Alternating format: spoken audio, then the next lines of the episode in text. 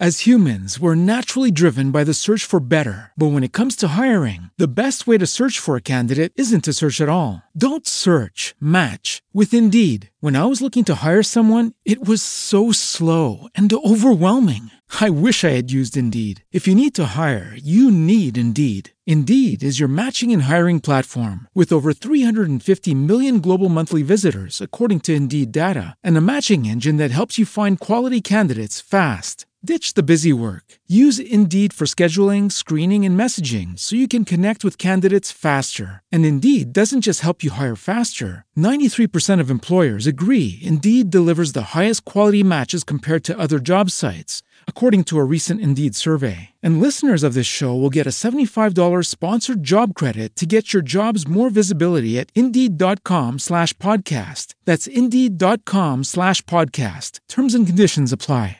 Judy was boring. Hello. Then Judy discovered ChumbaCasino.com. It's my little escape. Now Judy's the life of the party. Oh, baby, Mama's bringing home the bacon. Whoa, take it easy, Judy. The Chumba life is for everybody. So go to ChumbaCasino.com and play over 100 casino style games. Join today and play for free for your chance to redeem some serious prizes.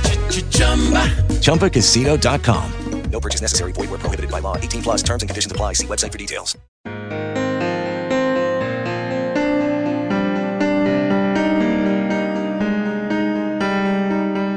बाटो हो यो सत्यको जीवनको प्रेमको पिता पुत्र र पवित्र आत्माको सुसमाचार हो यो ख्रिस्टको आओ सुनाऊ गाउँ सहर तराई पहाड नेपाल अनि विश्वभर यात्रा हो यो क्रुसको जय मसी साथै हार्दिक स्वागत छ श्रोता क्रसवे रेडियो मिनिस्ट्रिजको कार्यक्रम क्रुसको यात्रामा। श्रोता बाइबल वचनले भन्दछ घाँस ओइलाउँछ फुलहरू झरिहाल्छ तर हाम्रो परमेश्वरको वचन सधैँभरि अटल रहनेछ। त आउनुहोस् कार्यक्रममा हामी यही जीवित अनि अटल वचन सुन्नेछौँ। आजको वचन मर्कुसको पुस्तक सोह्र अध्याय नौ पददेखि बिस पदसम्म। हप्ताको पहिलो दिन बिहानै उहाँ जीवित भई उठ्नु भएपछि उहाँ पहिले मरिय मगदलिनी कहाँ देखा पर्नुभयो। तिनीबाट यसुले सातवटा भूत निकाल्नु भएको थियो। मरियमले गएर उहाँका चेलाहरूलाई यो खबर दिइन्। तिनीहरू विलाप गर्दै रोइरहेका थिए। तर जब यसु जीवित हुनुभयो र मरियम कहाँ देखा पर्नुभयो भन्ने कुरा तिनीहरूले सुने तब तिनीहरूले पत्याएनन्। त्यसपछि दुई चेलाहरू गाउँतिर गइरहेको बेला तिनीहरू कहाँ उहाँ अर्को रूपमा देखा पर्नुभयो अनि तिनीहरू फर्केर गई अरूहरूलाई बताए। तर तिनीहरूले उनीहरूलाई पनि विश्वास गरेनन्। पछिबाट उहाँ एघार चेलाहरू कहाँ तिनीहरू भोजनमा बसेको बेला देखा पर्नुभयो अनि तिनीहरूको अविश्वास र हृदयका कठोरताको लागि उहाँले तिनीहरूलाई हप्काउनुभयो। किनभने उहाँ मृतकबाट जीवित भए उठ्नु भएपछि उहाँलाई देख्नेहरूका कुरा तिनीहरूले विश्वास गरेका थिएनन्। अनि उहाँले तिनीहरूलाई भन्नुभयो सारा संसारमा गएर सारा सृष्टिलाई सुसमाचार प्रचार गर। विश्वास गर्ने र बत्तिसमा लिनेले उद्धार पाउनेछ तर विश्वास नगर्ने दोषी ठहरिनेछ। विश्वास गर्नेहरूसँग यी चिन्हहरू हुनेछन्। मेरो नाउँमा तिनीहरूले फुतहरू धपाउनेछन् तिनीहरूले नयाँ भाषाहरूमा बोल्नेछन्। तिनीहरूले सर्पहरू समात्नेछन् र कुनै विषालु कुरा पिए तापनि कुनै किसिमले त्यसले तिनीहरूको हानि गर्ने छैन तिनीहरूले रोगीहरूमाथि आफ्ना हात राख्नेछन् र तिनीहरू निको हुनेछन्। तब यसरी तिनीहरूसँग बोलिसक्नु भएपछि प्रभु येसु स्वर्गारोहण हुनुभयो र परमेश्वरको दाहिने बाहुलीतर्फ विराजमान हुनुभयो अनि चेलाहरूले गएर सबै ठाउँ प्रचार गरे। प्रभुले तिनीहरूका साथमा काम गर्दै रहनुभयो र चिन्हहरूद्वारा वचनलाई सुदृढ पार्नुभयो। प्रभुको वचन। सबैजनालाई जयमसी आजको पाठमा जानेछौँ र पहिलो भागमा चाहिँ हामी खण्डलाई बुझ्नेछौँ। परमेश्वरको करारको समाज हो यो परमेश्वरको मानिसहरूको समाज। हामी सबैजना मिलेर यस खण्डलाई घोत्लनेछौँ दोहोऱ्याएर तेह्राएर अध्ययन गर्नेछौँ र यसलाई निचोर्नेछौँ। यो खण्डलाई राम्रोसँग हामी अध्ययन गर्नेछौँ अनि त्यसपछि यो वचन श्रृङ्खला सरोकार हाम्रो वचनको श्रृङ्खला चाहिँ पुनरुत्थानको अभ्यास प्र्याक्टिसिङ रिजरेक्सन भन्ने छ। अनि त्यो वचन सरोकार हामी केही कुराहरू उगाउनेछौँ त कसरी? हामीले पुनरुत्थानको अभ्यास गर्ने त भन्ने विषयमा केही कुराहरू हामी उगाएर हेर्नेछौँ तपाईँहरू सबैलाई मर्कुस सोह्र अध्यायको नौदेखि बिससम्म स्वागत छ। स्वागत छ। बाइबल आफ्नो हातमा खुल्ला राखौँ। हामी पहिलो भागमा चाहिँ वचनलाई अध्ययन गर्नेछौँ मोबाइलमा छ अथवा बाइबल बोक्नु भएको छ कतिजनासँग बाइबल छैन होला पहिलोचोटि आउनुभएका साथीहरूसँग कृपया एकअर्कालाई सहायता गरिदिनुहोस्। आफ्नो हातमा बाइबल खुला राख्नुहोस्। म मर्खुस सोह्र अध्यायको चौध पददेखि सुरु गर्छु। त्योभन्दा अगाडि छोटो ब्याकग्राउन्ड पृष्ठभूमि चाहिँ यो मर्कुस सोह्र अध्यायको नौदेखि बिसलाई चाहिँ कोष्ठमा राखेको रहेछ ठुलो कोष्ठमा। तपाईँले आफ्नो बाइबलमा हेर्नुभयो भने त्यो कोष्ठमा राखिएको पाउनुहुन्छ। अनि यसको कारणहरू अध्ययन गर्दै जाँदाखेरि चाहिँ के थाहा लाग्यो भने कतिजना विद्वानहरूले चाहिँ बाइबलका ज्ञाता विद्वानहरूले भन्नुहुँदो रहेछ यो चाहिँ अतिरिक्त सामग्री हो। मर्कुसले आफ्नो सुसमाचार सोह्र अध्यायको आठ पदमा टुङ्गाइसकेका छन्। मर्कुसको सुसमाचार सोह्र अध्यायको आठ पदमा क्लोज भइसक्यो एन्ड भइसक्यो। र अब नौदेखि बिस चाहिँ यो चाहिँ एपेन्डिक्स जस्तो अतिरिक्त सामग्री हो। त्यस कारणले यसलाई त्यति पढ्नु पर्दैन। यो मर्कुसको सुसमाचारको पुस्तक चाहिँ सोह्रको आठ पदमा क्लोज भइसकेको छ भन्ने तर्क पेस गर्नुहुँदो रहेछ कति विद्वानहरूले। अनि अर्को पाटोमा चाहिँ कतिजना विद्वानहरूले चाहिँ भन्नुहुँदो रहेछ होइन होइन मर्कुसको लेखन शैलीलाई हेर्दाखेरि मर्कुसको यो पुस्तक चाहिँ एकदेखि सोह्र अध्यायसम्म छ। तपाईँले यसलाई ध्यान दिएर पढ्नुभयो भने यति छिटो छिटो छिटो लेखेका छन्। तुरुन्तै तुरुन्तै तुरुन्तै। अनि सा छोटो छोटो ब्रिफ एकदमै छोटो छोटो। यसुले बत्तिसमा लिनुभयो। अनि यसु उजाड स्थानमा जानुभयो। अनि त्यो प्रकारको लेखन शैली छ। अनि त्यसपछि त्यो लेखन शैलीको आधारमा चाहिँ कतिजना विद्वानहरूले भन्नुहुन्छ होइन मर्कुसको सुसमाचारको अन्त चाहिँ निष्कर्ष चाहिँ बिस पद हो। बिस पद हो। यो नौदेखि बिस पद। अनि यहाँ चाहिँ बिस पद चाहिँ यो चाहिँ कन्क्लुजन हो। यदि हामीले नौदेखि बिसलाई अलग गायौँ भनेदेखि चाहिँ मर्कुसको सुसमाचारको पुस्तक पूर्ण हुन सक्दैन भन्ने पृष्ठभूमि त्यो सन्दर्भ रहेछ। त्यस कारणले गर्दा यो नौदेखि बिसलाई चाहिँ कोष्ठमा राखिएको रहेछ। तर जे होस् आजको हाम्रो अध्ययनको केन्द्र चाहिँ त्यो होइन। हामी यतातिर फोकस गर्दैनौँ। तर आज चाहिँ हामी मण्डलीले परापूर्व कालदेखि सिकाउँदै आएको छ यो नौदेखि बिसलाई। मण्डलीले प्रचार गर्दै आएको छ सिकाउँदै आएको छ पढ्दै आएको छ अनि त्यो परम्परामा उभिनेछौँ र अनि हामी यो आजको वचनको श्रृङ्खला मुताबिक अनुसार परमेश्वरको पुनरुत्थान अथवा येसु ख्रिस्टले पुनरुत्थानलाई जित्नु भएको छ त हामी कसरी अभ्यास गर्ने त? केही कुराहरू यो नौदेखि बिसबाट उघाउनेछौँ। मैले अघि भने आजको वचनको उद्देश्य चाहिँ हामी सुसमाचार प्रचार गर्न उत्साहित हुनेछौँ। त्यो उद्देश्यमा म लम्किएको छु। आशा छ तपाईँहरू पनि त्यो उद्देश्यमा लम्किनु हुनेछ। हामी अध्ययन गरौँ मर्कुस सोह्र अध्यायको चौध पदबाट सुरु गर्छु। तपाईँले चौध पदमा आफ्नो ध्यान मन राख्नुहोस्। एकछिन चौध पद हेर्नुहोस् बाइबलमा। यसरी लेखिएको छ पछिबाट उहाँ एघार चेलाहरू कहाँ तिनीहरू भोजनमा बसेको बेला देखा पर्नुभयो। अनि तिनीहरूको अविश्वास र हृदयका कठोरताको लागि उहाँले तिनीहरूलाई हप्काउनु भयो किनभने उहाँ मृतकबाट जीवित भई उठ्नु भएपछि उहाँलाई देख्नेहरूका कुरा तिनीहरूले विश्वास गरेका थिएनन्। यो चौध पदलाई चाहिँ यो चाहिँ प्रिफेस जस्तो अङ्ग्रेजीमा चाहिँ प्रिफेस भनिन्छ। यो चाहिँ कस्तो भन्दाखेरि अगाडिको भागको सारांश। अगाडि मर्कुसले जे जे कुराहरू बताउँदै आउनु भएको छ त्यसको सार चाहिँ के हो त भन्दाखेरि चौध पदमा छ। अनि त्यसपछि अब चाहिँ के भन्दै हुनुहुन्छ मर्कुसले? अगाडि अब चाहिँ के भन्नुहुन्छ भन्ने कुराको परिचय इन्ट्रोडक्सन चाहिँ कहाँ छ? चौध पदमा छ। अनि यो चौध पदले चाहिँ एउटा प्रिफेस जस्तो गरेर फङ्सन गर्दो रहेछ। एउटा चुचुरोलाई तपाईँले विचार गर्नुभयो भने चुचुरोमा पुग्न हामी उकालोबाट जान्छौँ ठ्याक्क चुचुरो पुग्छौँ अनि फेरि तल ओर्लिनको लागि फेरि त्यही चुचुरोबाट हामी तल ओर्लिनु पर्ने हुन्छ। यो चौध पद पनि त्यसरी नै फङ्सन गर्दो रहेछ यो खण्डमा। यो चाहिँ प्रिफेस जस्तो। अगाडि के भनिएको छ चेलाहरूले कस्तो व्यवहार गरे यसुले के गर्नुभयो भन्ने कुराको सार छ यसमा चौध पदमा। अनि त्यसपछि अब यसुले के भन्न लाग्दै हुनुहुन्छ?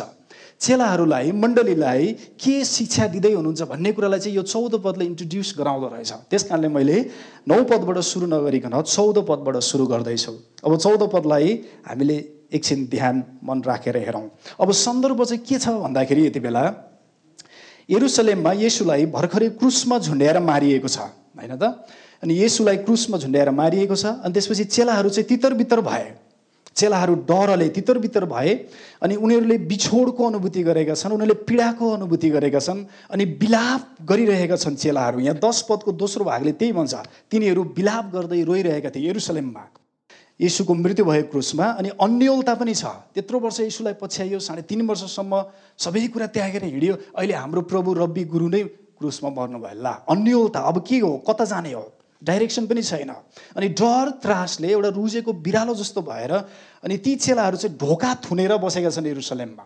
होइन ढोका थुनेर बसेका छन्।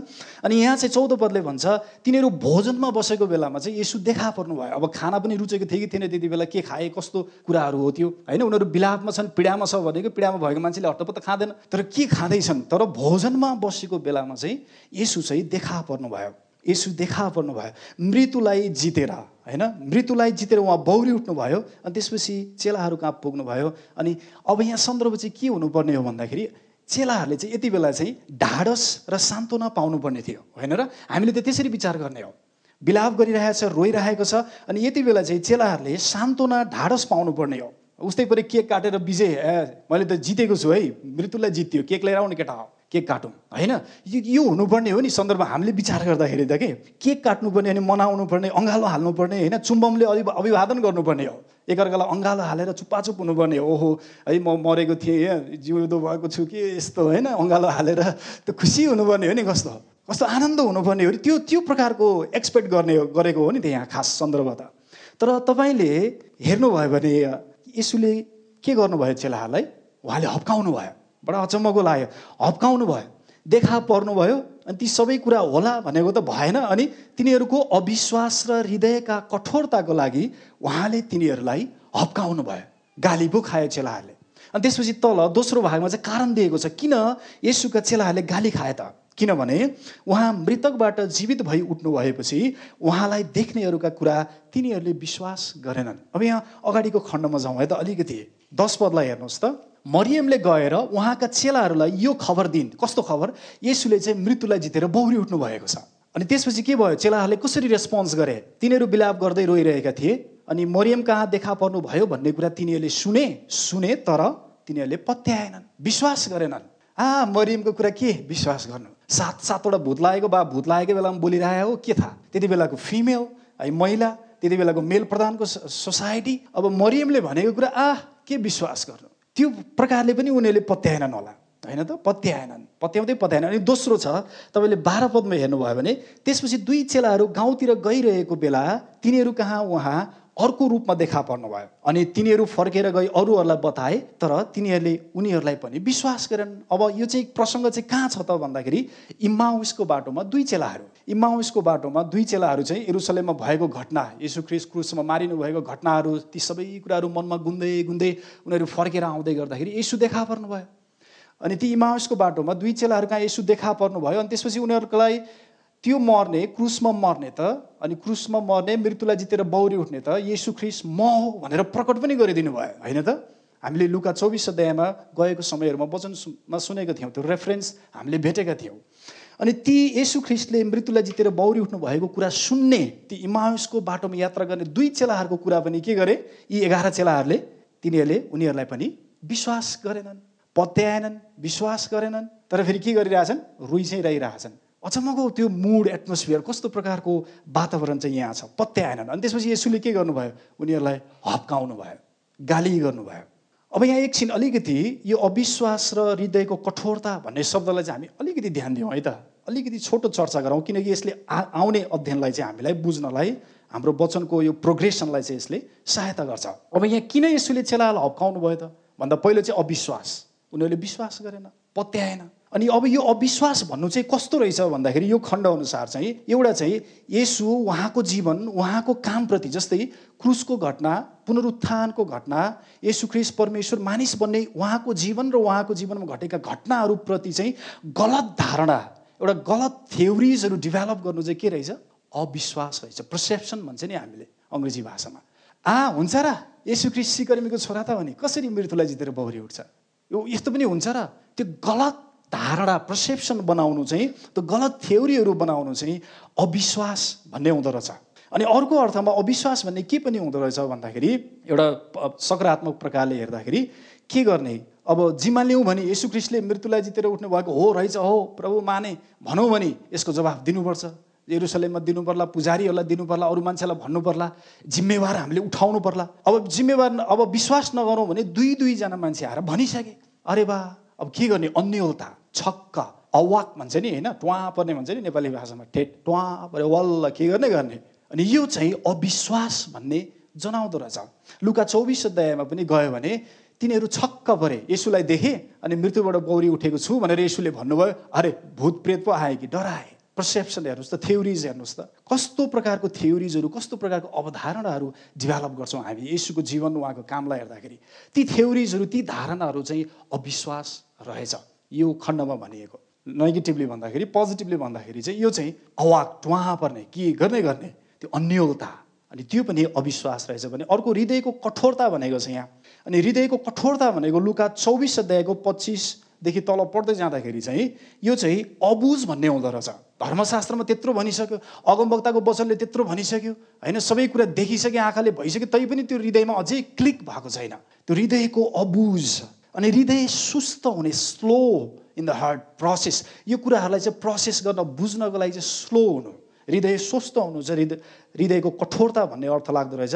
धर्मशास्त्र नबुझ्नु अनि शङ्का गर्नु। म ती अठाइस अध्यायमा हामीले यो प्यारल प्यासेजमा समानान्तर खण्डहरूमा हेऱ्यो भने शङ्का गरे भनेको छ यसुलाई कतिजनाले। मृत्युबाट बौरी उठ्दाखेरि अरे भूतप्रेत पो आयो कि के हो यस्तो यो? शङ्का गरे डाउट अनि यो हृदयको कठोरता भन्नु चाहिँ डुप्लेक्स दोहोरो मन हुनु। हो जस्तो लाग्छ होइन होइन जस्तो लाग्छ। होइन? कहिलेकाहीँ हो जस्तो लाग्छ होइन होइन जस्तो लाग्छ त्यो बिचमा हुने के? दोहोरो मन। अनि यो चाहिँ यो हृदयको कठोरता र अविश्वास भनेको चाहिँ यसरी हामीले बुझ्न सकिँदो रहेछ। अनि यो चेलाहरूलाई यति बेला यो खण्डमा हेर्दाखेरि चाहिँ यो चेलाहरूको यो सबै प्रतिक्रियाहरू अध्ययन गर्दै गर्दाखेरि मलाई कस्तो लाग्दै थियो भने म ऐना हेर्दैछु आफूलाई। यी चेलाहरू चाहिँ मेरो ऐनाहरू हुन् अनि मैले उनीहरूलाई हेर्दाखेरि मैले आफूलाई हेर्दैछु। अनि यी चेलाहरू चाहिँ हाम्रो लागि ऐनाहरू हुन्। अब तपाईँ र म एकछिन विचार गरौँ पुनरुत्थान भयो। इस्टरमा भयङ्कर नारा लगायौँ हामीले। अनि आज चर्च हेर्नुहोस् है हाम्रो सङ्गति हेर्नुहोस् इस्टरमा नारा ला जस्तै छ त? त्यो स्लो भइसक्यो। त्यो अर्को मोसनमा अर्को डिफल्ट मोडमा आइसकेको छ। म गोर्खा गएको थिएँ अनि हाम्रो अगुवाले भन्नुभयो दाजु गोर्खामा र्याली निकालेको छ पैँतिसजनाको लागि बस रिजर्भ गर्नुपर्ने छ पैसा अलिकति पुगेन। के गर्ने हो? पैँतिसजना त वा धेरै हो नि। ल ठिक छ त्यसो भने म दिन्छु पैसा।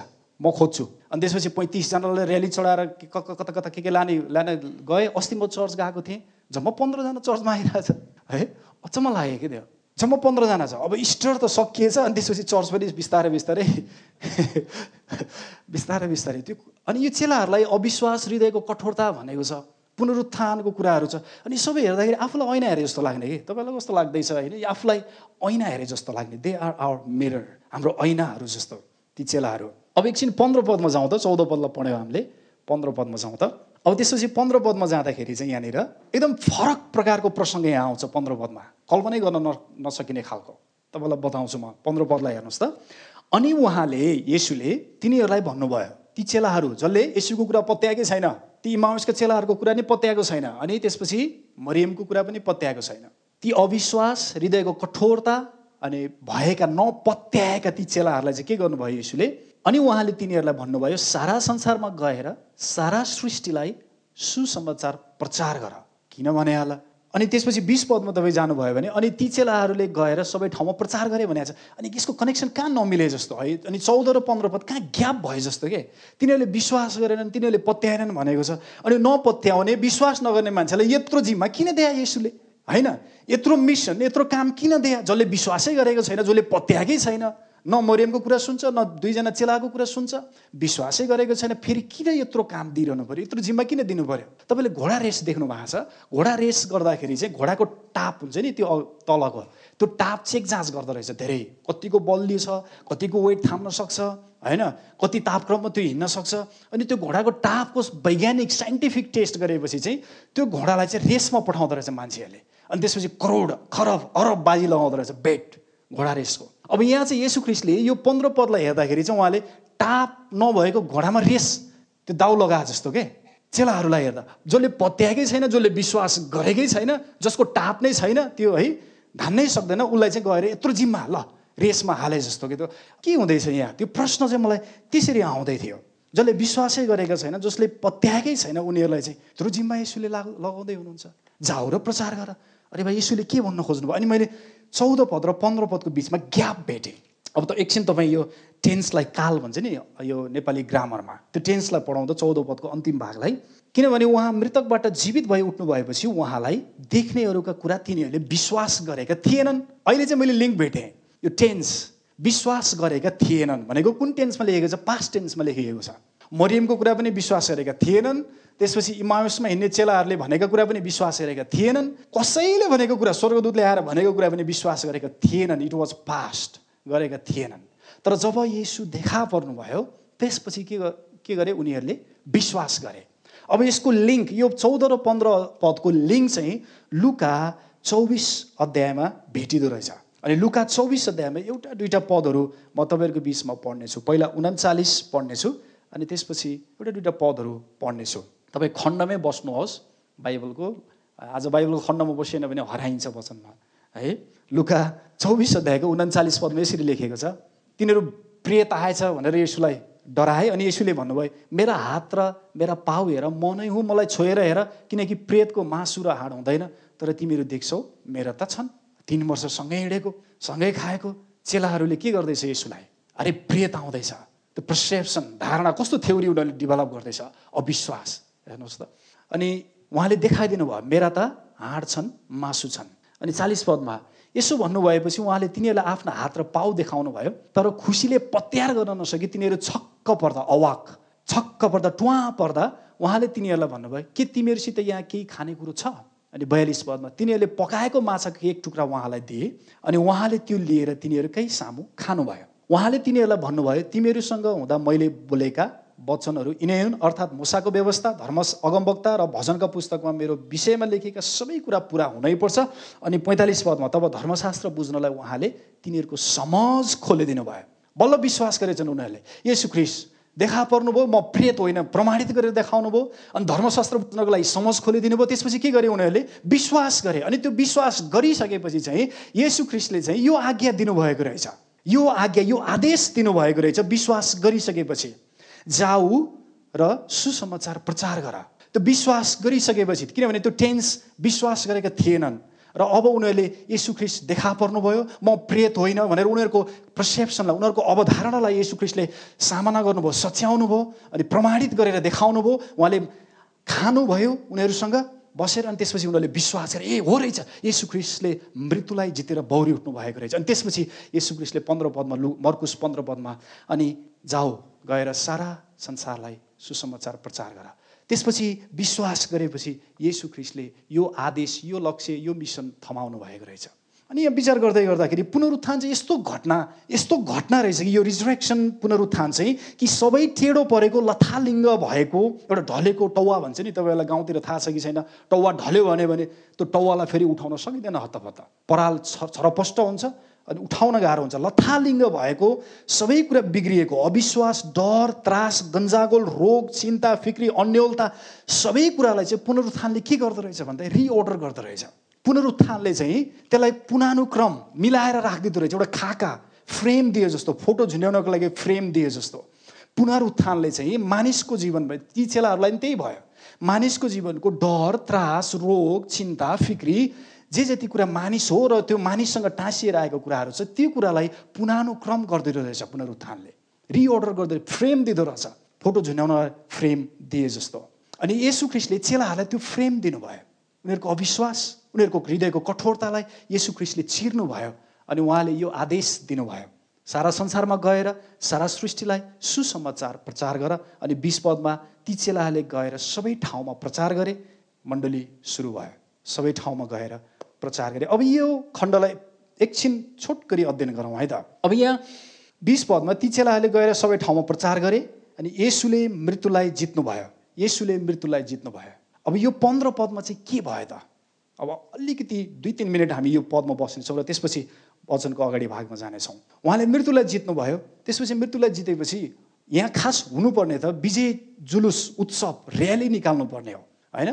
एरुसलेममा मृत्युलाई जितेर बौरी उठ्नुभयो एउटा होटल ठुल्ठुलो रिजोर्टहरू बुक गरेर धेरै मान्छेहरू बोलाएर त्यहाँतिर शासकहरू पुजारीहरू मन्त्रीहरू को को हुन्थे सबैलाई खदा पहिरिदिएर होइन रिजरेक्सन अफिस भनेर यस्तो खोलेर ढ्याक्क होइन रिजरेक्सन अफिस खोल्ने अनि त्यसपछि चेलाहरूलाई पत्रुस चाहिँ तिमी चाहिँ अन्तर्राष्ट्रिय विभागको प्रमुख।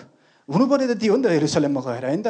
रिजरेक्सन अफिस ठ्याक्क यसको सिइओ को? यसु क्रिस अनि उहाँपछि को? पत्रुस। होइन? अहिलेको एउटा ह्युमनली स्पिकिङ हामी मान्छे भएर हेर्ने हो भने अनि चट्ट लाएर त्यहाँ त होइन एउटा अफिस सेट गरेर हाकिम त्यहाँ भयङ्कर हुनुपर्ने हो। राजनीतिक अनि त्यसपछि धार्मिक एजेन्डाहरू बोकेर चाहिँ त्यहाँ त भयङ्कर जुलुस अस्ति इस्टरमा हामीले निकालेको जुलुस भन्दा पनि बढी हुनुपर्ने थियो होइन र? हामीले एक्सपेक्ट गर्ने थियो हामीले जानेको त्यही अस्ति त्यही गरेको इस्टरमा है? तर यहाँ के भयो त पन्ध्र पदमा भन्दाखेरि यसु ख्रिस्टले यसु ख्रिस्टले ती सबै कुरालाई छोडेर मेरो दिमागले एटलिस्ट ती सबै कुरालाई छोडेर यसुले तिन वर्ष अघि गालिलमा जे भनेर उनीहरूलाई बोलाउनु भएको थियो नि यी चियालाहरूलाई। तिन वर्ष अघि गालिलमा माछा मार्दै गर्दा आफ्नो बुवा आफ्नो परिवारसँग बसेर आफ्नो काम गर्दै गर्दा जे भनेर बोलाउनु भएको थियो जुन कामको लागि बोलाउनु भएको थियो जुन उद्देश्यको लागि बोलाउनु भएको थियो त्यही उद्देश्यमा यसुले फर्काएर लिएर जानुभयो। अचम्म छ। यो त कुनै नौरो कुरै होइन। होइन र यसु ख्रिस्टले गालिलमा जे भनेर चाहिँ ती चेलाहरूलाई बोलाउनु भएको थियो त्यसमै फर्काएर लानु भएको छ। अचम्म छ। पुनरुत्थानपछि केही त होला नयाँ प्रोजेक्ट आउला नयाँ परियोजना आउला नयाँ नयाँ रिजोल्युसन बन्ला। होइन चेलाहरू पनि मक्ख थियो होला अब त हाम्रो आउला केही तर त्यो केही पनि छैन। यसु ख्रिस्टले के गर्नुभयो? गालिलमा उनीहरूलाई बोलाउँदा जुन उद्देश्य जुन बोलावट जुन लक्ष्यको लागि जुन कामको लागि यसुले बोलाउनु भएको थियो त्यही कुरा उहाँले दोहोऱ्याउनु भयो यहाँ। त्यही कुरा उहाँले दोहोऱ्याउनु भयो। मर्कुस एक अध्यायको एउटा दुइटा उदाहरण हेरौँ त। मर्कुस एक अध्यायको सोह्र र सोह्रदेखि बिस पदमा म तपाईँहरूलाई पढेर सुनाइदिनेछु। तपाईँले सुन्नुभयो भने मात्रै हुनेछ। मर्कुस एक अध्यायको सोह्रदेखि बिस। गालिल समुद्रको किनार किनारै जाँदै हुनुहुँदा उहाँले सिमोन र तिनका भाइ अन्द्रियासलाई समुद्रमा जाल हाने हानिरहेका देख्नुभयो। किनकि तिनीहरू जालहारी थिए। यसुले तिनीहरूलाई भन्नुभयो मेरो पछि लाग र म तिमीहरूलाई मानिसहरूका जालहारी बनाउनेछु। गालिल समुद्रमा बोलाएको के को लागि बोलाएको सुसमाचार प्रचार गर्नको लागि बोलाएको होइन त? अनि त्यसपछि अठार पदमा पनि तिनीहरूले तुरुन्तै आफ्ना जालहरू छोडे र उहाँको पछि लागे उन्नाइस पदमा। अनि अलि पर गएपछि उहाँले जब्दियाका दुई छोरा याकुब र युवन्नालाई ढुङ्गामा बसी जाल तुनिरहेका देख्नुभयो। उहाँले तुरुन्त तिनीहरूलाई बोलाउनु भयो र तिनीहरू आफ आफ्ना पिता जब्दियालाई ज्यामीहरूका साथ डुङ्गामा छोडेर उहाँको पछि लागे। अनि यसु क्रिस्टले गालिलमा ती चेलालाई किन बोलाउनु भयो? के का लागि बोलाउनु भयो? सुसमाचार प्रचार गर्नको लागि। राज्यको सुसमाचार बोकेर जानको लागि। अनि जब पुनरुत्थान हुनुभयो यहाँ यसु ख्रिस्टले मर्कुस सोह्र अध्यायमा उहाँले ती चेलाहरूलाई त्यही कुरामा स्थापित गर्नुभयो पुनर्स्थापित गर्नुभयो। यसु ख्रिस्टले भन्नुभयो जाओ र सारा संसारमा गएर सारा सृष्टिलाई सुसमाचार प्रचार गर। यसको लागि मैले तिमीलाई गालिल समुद्रबाट उठाएको तिन वर्षसम्म बोकेर हिँडेको तिन वर्षसम्म सहेको तिन वर्षसम्म ट्रेन गरेको। अब जाओ र जुन उद्देश्यको लागि जुन कामको लागि जुन लक्ष्यको लागि मैले तिमीहरूलाई बोलाएको छु त्यो लक्ष्य पुरा गर जाओ र सुसमाचार प्रचार गर। अब मतीको लेखन स्टाइलमा उनको माइन्डसेटमा भन्ने हो भने मतीको अठाइस अध्यायमा चाहिँ चेलाहरूलाई यसु क्रिस्टले कहाँ बोलाउनु भयो? गालिलमा बोलाउनु भयो। चेलाहरूलाई भनिदियो म उनीहरूलाई गालिलमा भेट्नेछु। वास्तवमा यसुले के गर्नुभयो? यसुले पुनरुत्थानपछि ती चेलाहरूलाई कहाँ लानुभयो? घर लानुभयो। मसँगै एग्री गर्नुहुन्छ। ती चेलाहरूले चेलाहरूलाई यसुले कहाँ लानुभयो? घर लानुभयो। Let's go to Galilee. Back to Galilee back to Galilee यसुले आफ्नो चेलाहरूलाई घर लानुभयो। अनि घरमा लगेर आओ हामीहरू सँगै बसौँ छलफल गरौँ। हामी को हौ? हाम्रो काम के हो? हाम्रो प्रथम जिम्मा के हो? हाम्रो लक्ष्य के हो? पुनर्पत्ता लगाउँ डिस्कभर गरौँ डिस्कभर गरौँ। अनि यसु ख्रिस्टले चेलाहरूलाई घर बोलाउनु भयो। उनीहरूलाई दिएको बोलावट मिसनलाई नयाँ बनाउनको लागि धारिलो बनाउनको लागि। उहाँले चेलाहरूलाई घर बोलाउनु भयो। अनि सिएस लुइसले यही सन्दर्भमा भन्नुभएको छ। सिएस लुइसले when we have lost our way the quickest way forward is usually go home go back home यहाँ नेपालीमा लेखेको होला। जब हामी आफ्नो बाटो गुमाउँछौँ अगाडि बढ्ने सबैभन्दा छिटो बाटो चाहिँ फर्केर घर जानु रहेछ। अब यसु क्रिस्टले ती चेलाहरूलाई के गर्नुभयो? फर्काएर घर लानुभयो। Let's go home and discuss हामी के का लागि बनेका छौँ किन हो? हामी के गर्नुपर्ने? हामी छलफल गरौँ। है ती चेलाहरूले आफ्नो बाटो बिराए जस्तो।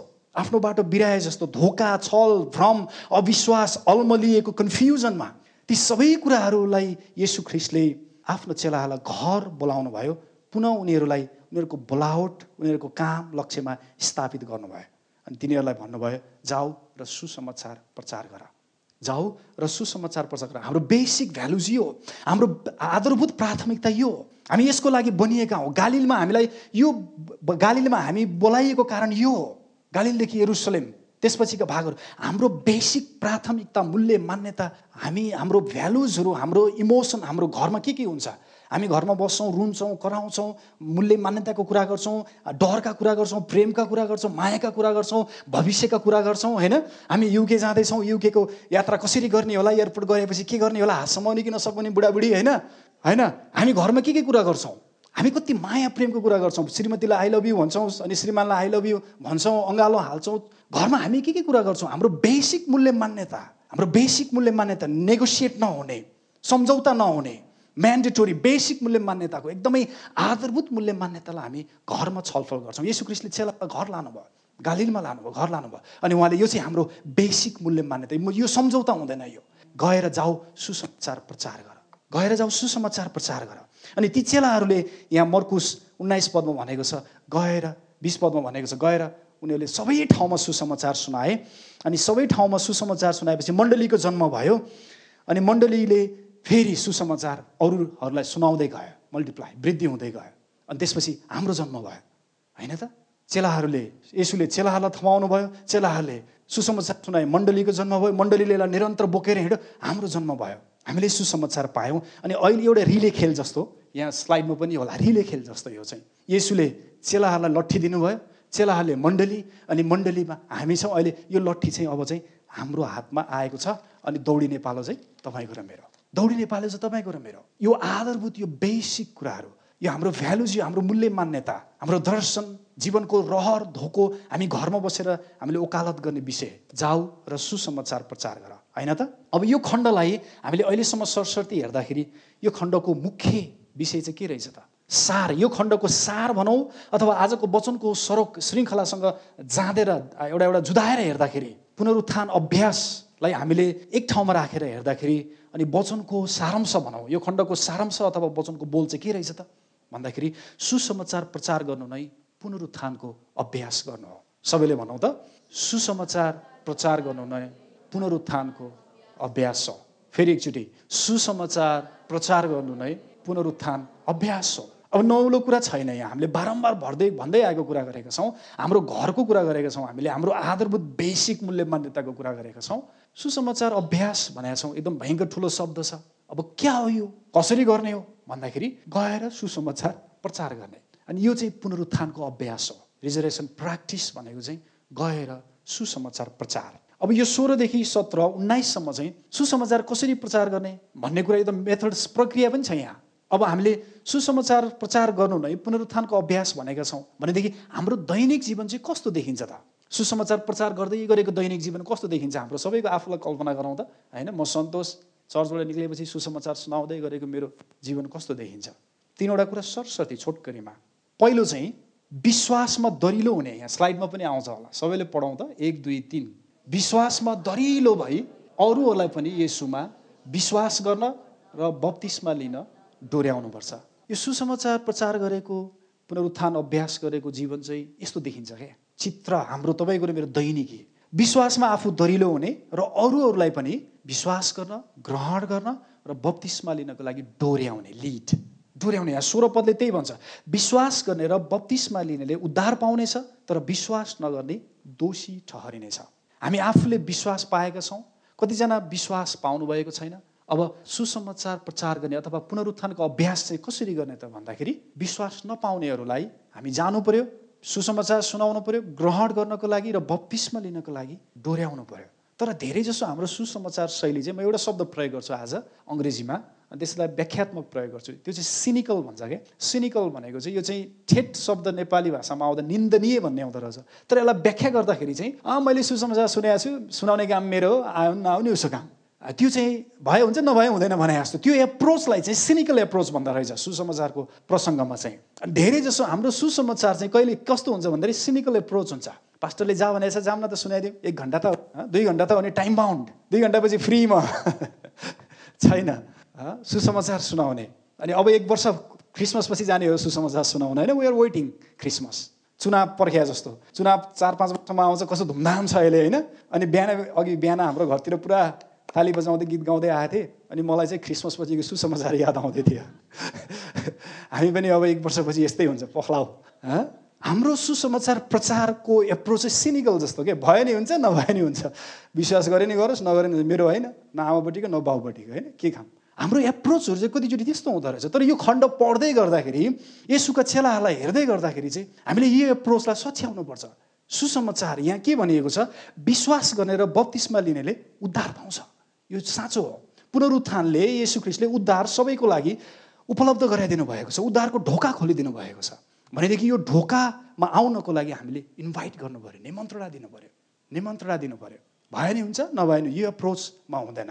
भने दोस्रो चाहिँ सरस्वती दोस्रो चाहिँ कसरी पुनरुत्थान र सुसमाचार अभ्यास हुन्छ भन्दाखेरि दोस्रो चाहिँ नयाँ युग त्यहाँ लेखेको पनि होला सबैले पढाउँ त नेपालीमा। नयाँ युग ख्रिसको राज्यमा फलेका फलहरूको उत्कट चाहना गर्ने र अरूहरूलाई पनि उहाँको राज्यमा डोर्याउनु पर्छ। डिजायरिङ किङडम फ्रुट्स परमेश्वरको राज्यका फलहरूको उत्कट चाहना गर्ने। अब एकछिन यो सत्र र अठारलाई हेरौँ है। विश्वास गर्नेहरूसँग यी चिन्हहरू हुनेछन्। मेरो नाउँमा तिनीहरूले भूतहरू धपाउनेछन् तिनीहरूले नयाँ भाषाहरूमा बोल्नेछन्। तिनीहरूले सर्पहरू समात्नेछन् र कुनै विषालु कुरा पिए तापनि कुनै किसिमले त्यसले तिनीहरूको हानि गर्ने छैन। तिनीहरूले रोगीहरूमाथि आफ्ना हात राख्नेछन् र तिनीहरू निको हुनेछन्। यो चाहिँ परमेश्वरको राज्यको फलहरू हो। रोगीहरू निको हुनु अचम्मका काम हुनु यो चाहिँ परमेश्वरको राज्यको फलहरू हो। हामीले पुनरुत्थानको अभ्यास सुसमाचार प्रचार गर्ने कुरा गर्दैछौँ त हामी कसरी यसलाई अभ्यास गर्छौँ त भन्दाखेरि परमेश्वरको राज्यको फलहरूको उत्कट चाहना गर्नु पर्यो तृष्णा चाहना गर्नु पर्यो तर हाम्रो एप्रोच चाहिँ के छ? फेरि सिनिकल म त्यही शब्द चलाउँछु सिनिकल त्यो भनेको चाहिँ के भन्दाखेरि हामी क्रिटिसाइज गर्छौँ धेरै। हामी क्रिटिसाइज गर्छौँ अब्जेक्टिभली हामी पर बस्छौँ अनि कोही मान्छे अब भूतात्मा लाग्यो लड्यो ए यस्तो हुन्छ र यस्तो नै हुन्छ र हामीलाई हामी पर बस्छौँ। हामी त्यो कुरालाई स्वीकार गर्न चाहँदैनौँ। अनि त्यसपछि एउटा उदाहरण चाहिँ जस्तै कोही मान्छे बिरामी भयो प्रार्थना गर्नु पऱ्यो अनि प्रार्थना गर्न जान्छौँ अनि प्रार्थनाको एटिच्युड चाहिँ कस्तो हुन्छ भन्दाखेरि प्रार्थना गरे हो निको भयो ठिकै छ निको नभयो नि के नि त अब? हस्पिटल छ नि त। निको नभयो नि के नि त मैले प्रार्थना त गरेकै हो। हाम्रो एप्रोच चाहिँ के छ? भयो नि ठिक छ नभए नि ठिक छ। भयो नि ठिक छ नभए नि ठिक छ। मलाई के बालै भएन है प्रार्थना गर्दाखेरि पनि हाम्रो एप्रोच एउटा उदाहरण प्रार्थनाको उदाहरण। वचन पढ्दाखेरि पनि बुझे बुझौँ नबुझे के के? हाम्रो एप्रोच हेर्नुहोस् त अहिले क्रिस्चियन हाम्रो कल्चर हाम्रो प्र्याक्टिसहरू हामी आराधनामा आउँछौँ परमेश्वरलाई धन्यवाद दिउँ भने मैले बारम्बार यो भन्छु शब्दहरू उच्चारणै आउँदैन भाषै छैन शब्दै छैन खोज्नुपर्छ कुन शब्दले भन्ने? आराधनामा त आएको छ नि त। के हो के हो? ऊ उसले गरिहालेको छ नि। होइन उसले गरिहालेको छ नि। मैले के गर्नु पऱ्यो हाम्रो एप्रोच चाहिँ के छ? सिनिकल छ। तर यहाँ हामी पुनरुत्थानको अभ्यास सुसमाचार प्रचारको कुरा गर्दैछौँ। तपाईँले र मैले उत्कट इच्छा गर्नु पऱ्यो परमेश्वरको राज्यका फलहरू फ्रुट्स अफ द किङडम जब हामी मण्डलीमा आउँछौँ परमेश्वरले निको बनाउनुहुन्छ। जब हामी प्रार्थना गर्छौँ परमेश्वरले छुटकारा दिनुहुन्छ। जब हामी प्रार्थना गर्छौँ पुनरुत्थानको शक्ति रिलिज परमेश्वरले स्वतन्त्रता गराउनुहुन्छ। यो परमेश्वरको राज्यका फलहरू हो। यसलाई हामीले क्रिटिसाइज गर्ने हामी पर बसेर भयो हुन्छ नभए हुँदैन त्यो होइन। हामीले उत्कट इच्छा गर्नु पऱ्यो चाहना गर्नु पऱ्यो पुनरुत्थानको अभ्यास चाहिँ त्यो हो प्रियहरू। पुनरुत्थानको अभ्यास चाहिँ त्यो हो। भनेदेखि तेस्रो अन्तिम सरस्वती। तेस्रो चाहिँ आशामा रमाउने र अरूहरूलाई पनि यो आशामा डोर्याउने। आशामा रमाउने र अरूहरूलाई पनि यो आशामा डोर्याउने। एकचोटि जोरदार पढाउँ त। वान टू थ्री गो डोर्याउनुपर्छ। अब बाइबलको खण्डलाई हेरौँ। उन्नाइस पदमा छ। तब यसरी तिनीहरूसँग बोलिसक्नु भएपछि प्रभु येसु स्वर्गारोहण हुनुभयो र परमेश्वरको दाहिने बाहुलीतर्फ विराजमान हुनुभयो। यहाँ चाहिँ दाहिने बाहुलीतर्फ विराजमान हुनुभयो भन्नेमा टुङ्गिएको छ। अनि यही पदलाई चाहिँ लुकाले प्रेरित एक अध्यायमा चाहिँ विस्तृत व्याख्या गर्नुभएको छ। प्रेरित एक अध्यायको नौदेखि एघारमा तपाईँहरूलाई पढेर सुनाउनेछु। प्रेरित एक अध्यायको नौदेखि एघार उहाँले यो कुरा भन्नुभएपछि तिनीहरूले हेर्दा हेर्दै उहाँ उँभो उचालिनु भयो र बादलमा उहाँ तिनीहरूका दृष्टिबाट लोप हुनुभयो। जब तिनीहरूले उहाँ जाँदै गर्नुभएको एकटक आकाशतिर हेरिरहेका थिए तब अचानक सेतो पोसाक लागेका दुईजना मानिस तिनीहरूका नजिक खडा भए। तिनीहरूका नजिक खडा भए अनि तिनीहरूले भने गालिलीका मानिस हो तिमीहरू किन आकाशतिर हेर्दै उभिरहेका छौ? तिमीहरू किन आकाशतिर हेर्दै उभिरहेका छौ? यही यसु जो तिमीहरूबाट स्वर्गमा लगिनुभयो अहिले जसरी तिमीहरूले उहाँलाई स्वर्गमा जानुभएको देख्यौ त्यसरी नै उहाँ फेरि आउनु हुनेछ। आशा चाहिँ यो हो। परमेश्वर दाहिने हातमा बस्नु भएको छ भनेको छ। अनि उहाँ स्वर्गमा उचालिनु भयो। जसरी उहाँ उचालिनु भयो त्यसरी नै उहाँ फेरि फर्केर आउनुहुनेछ अनि हाम्रो आशा चाहिँ यो हो यसु ख्रिस फेरि फर्केर आउनु हुनेछ। हामीहरू कहाँ? यसु ख्रिस फेरि फर्केर आउनुहुनेछ हामीहरू कहाँ? यो चाहिँ हाम्रो आशा हो। अब यसमा रमाउने र अरूहरूलाई पनि यही आशामा डोर्याउने। अनि यो चाहिँ पुनरुत्थानको अभ्यास हो। अनि यसरी चाहिँ हामी पुनरुत्थानलाई अभ्यास गर्छौँ। भनेदेखि अब अहिले चाहिँ अब अन्तमा चाहिँ अहिले चाहिँ हामी ख्रिसको पुनरुत्थान र स्वर्गार स्वर्गारोहणको बिचको समयमा जिउँछौँ। यो चाहिँ हाम्रो प्रेजेन्ट लाइफ हो। तपाईँको र मेरो वर्तमान चाहिँ यो हो अहिले। यो चाहिँ हाम्रो प्रेजेन्ट लाइफ। ख्रिस्टले मृत्युलाई जितेर बौरी उठ्नुभयो स्वर्गारोहण हुनुभयो फेरि आउनुहुनेछ। अनि त्यो समय अवधि चाहिँ हामीसँग छ। अहिले हामी यसमा जिउँछौँ। भनेदेखि यो आशा चाहिँ अहिले हाम्रो माझमा क्रियाशील छ। यो आशा चाहिँ अहिले हाम्रो माझमा पनि क्रियाशील छ। अनि एकजना लेखकले भन्नुहुन्छ यसु ख्रिस परमेश्वरको दाहिने हातमा बास गर्नु भनेको चाहिँ उहाँले चाहिँ स्वर्गमा परमेश्वर पिताको तर्फबाट उहाँले मानिस र पिताको बिचमा मध्यस्थको काम गर्नु नै हुन्छ पुजारीको काम गर्नु नै हुन्छ। त्यो सँगसँगै उहाँले चाहिँ पृथ्वीलाई कोलोनाइज गर्नुभएको छ। पृथ्वीलाई यसु ख्रिस्टले चाहिँ कोलोनाइज गर्नुभएको छ। आफ्नो उपनिवेश बनाउनु भएको छ। कलसीको पुस्तकले पावलले भन्नुहुन्छ कलसीको पुस्तकमा यसु ख्रिस्टले पृथ्वीलाई आफ्नो पावदान बनाउनु भएको छ। अनि मतीको लेखकले चाहिँ के भन्नुहुन्छ स्वर्ग र पृथ्वीको अधिकार मलाई दिएको छ अथोरिटी भन्नुको अर्थ चाहिँ यसु ख्रिस्टले चाहिँ पिताको दाहिने हातमा बसेर हेभन स्वर्गले चाहिँ हाम्रो आशाले चाहिँ पृथ्वीलाई कोलोनाइज गरेको छ। अनि यो आशा चाहिँ अहिले हामीसँग क्रियाशील छ। हाम्रो बिचमा एक्टिभ छ। हामीसँग क्रियाशील छ।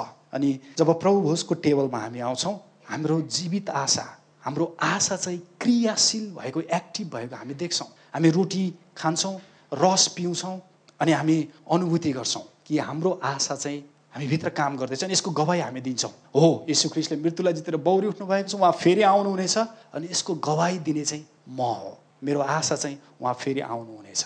अनि प्रभु भोजको टेबलले त्यही कुराहरू सङ्केत गर्छ प्रियहरू। त्यस कारण अन्तमा अन्तमा चाहिँ हामीले पुनरुत्थानको अभ्यास कसरी गर्ने त भन्दा जाने र सुसमाचार प्रचार गर्ने। सबैले भनाउँ त कसरी जाने र सुसमाचार प्रचार गर्ने। आमेन।